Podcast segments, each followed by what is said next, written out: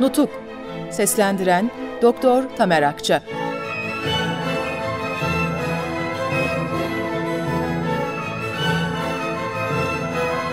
25. Bölüm Amerikan mandası için propagandalar Bundan sonra 8 Eylül toplantısında sözünü ettiğim muhtıra ele alındı. Bu muhtırada başlıca Amerikan mandası üzerinde duruluyordu. O günlerde İstanbul'dan gelen bazı kimseler Amerikalı Mr. Brown adında bir gazeteciyi de Sivas'a getirmişlerdi. Bu konu üzerinde kongrede geçen görüşmelere yer vermeden önce yüksek topluluğunuzu yeterince aydınlatabilmek için bazı ön bilgiler arz edeyim. Bu bilgiler Erzurum'dan beri başlayan bazı haberleşmelerden daha iyi anlaşılacağı için onları olduğu gibi sunacağım. Amasya 25-26-7-1919 Erzurum'da 3. Ordu Müfettişliği Kurmay Başkanlığı'na 1. Mustafa Kemal Paşa'ya özel Bugün 25 Temmuz 1919 akşamı Bekir Sami Beyefendi Amasya'ya geldiler. Kendileriyle uzunca bir süre görüşmek şerefine eriştim. Mustafa Kemal Paşa'ya ve Rauf Beyefendi'ye saygılarını sunarlar. Kendisi aşağıdaki düşüncelerini arz etmekliğimi rica etmiştir. 2. Bağımsızlık elbette istenilir ve tercih edilir. Ancak tam bağımsızlık istediğimiz takdirde vatanın birçok parçalara ayrılacağı kesin ve şüphesizdir. Şu halde 2-3 ili içine almaktan ibaret olacak bağımsızlığa, vatanımızın bütünlüğünü garanti altına alacak yabancı bir devletin himayesi elbette tercih edilir. Osmanlı ülkesinin tamamını içine alan haklılığımız ve dışarıdaki temsil hakkımız eskiden olduğu gibi devam etmek şartıyla belirli süre için Amerikan mandasını istemeyi milletimiz için en yararlı bir çözüm şekli olarak kabul ediyorum. Bu konuda Amerika temsilcisiyle görüştüm.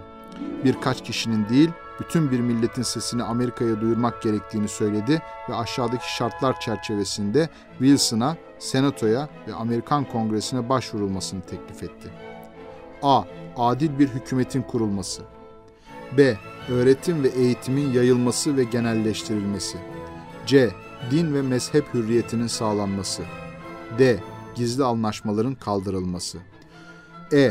Bütün Osmanlı ülkesini sınırları içine alacak şekilde Amerikan hükümetinin bizi yönetimi altına almayı kabul etmesi. 3.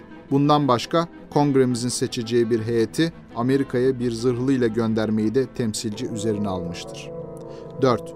Bekir Sami Bey daha bir iki gün buralarda kalacağından her türlü emir ve talimatın benim aracılığımla gönderilmesini, özellikle Sivas Kongresi'nin ne zaman toplanacağının ve kendilerinin o güne kadar nerede beklemesinin uygun olacağının bildirilmesini istirham etmekte olduğu.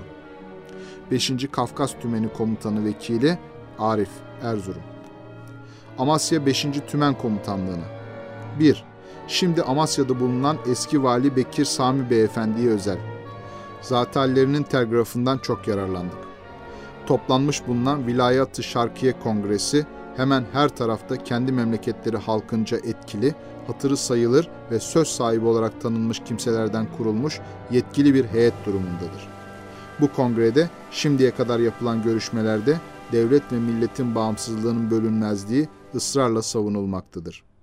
Bu bakımdan bizce de daha şartları ve niteliği belirsiz olan bir Amerikan mandaterliğinden kongrede doğrudan doğruya söz edilmesi pek sakıncalı olacağından zatallerinin İstanbul'da temasta bulunduğu kimselerle yaptığı görüşmelere dayanarak aşağıdaki noktaların açıklanması ve bizleri hemen aydınlatmanızı özellikle rica ederiz.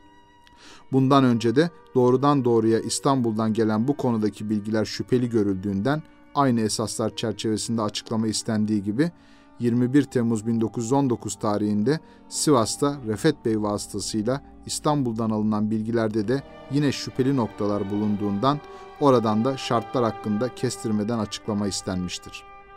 A.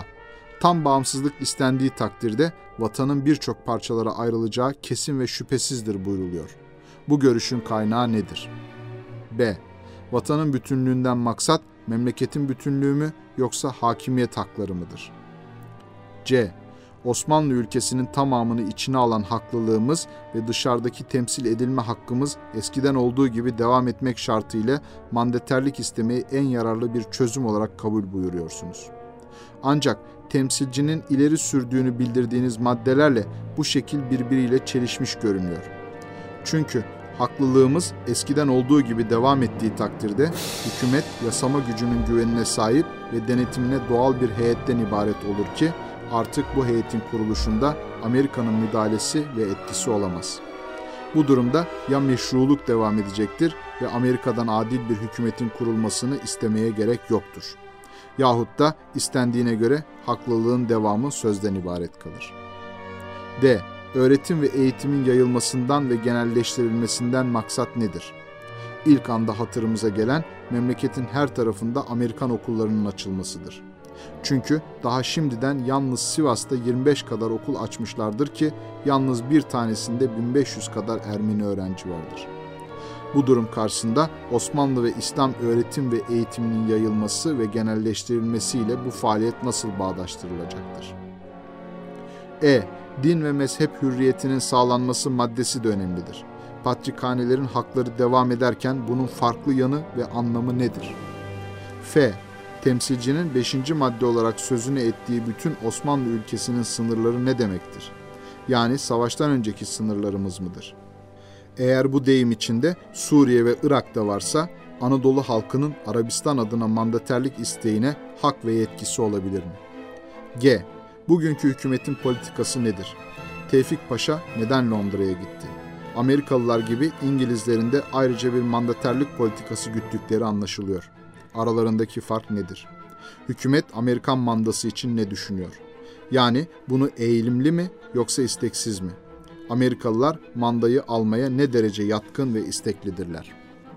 2. Sivas Kongresi'nin toplanması Erzurum Kongresi'nin sonucuna bağlıdır. Bununla ayrıca uğraşılmaktadır. Yüksek şahsiyetlerinin bunu beklemek üzere ya Tokat'ta yahut Amasya'da bulunmaları uygundur. Saygılarımızı sunarız. Mustafa Kemal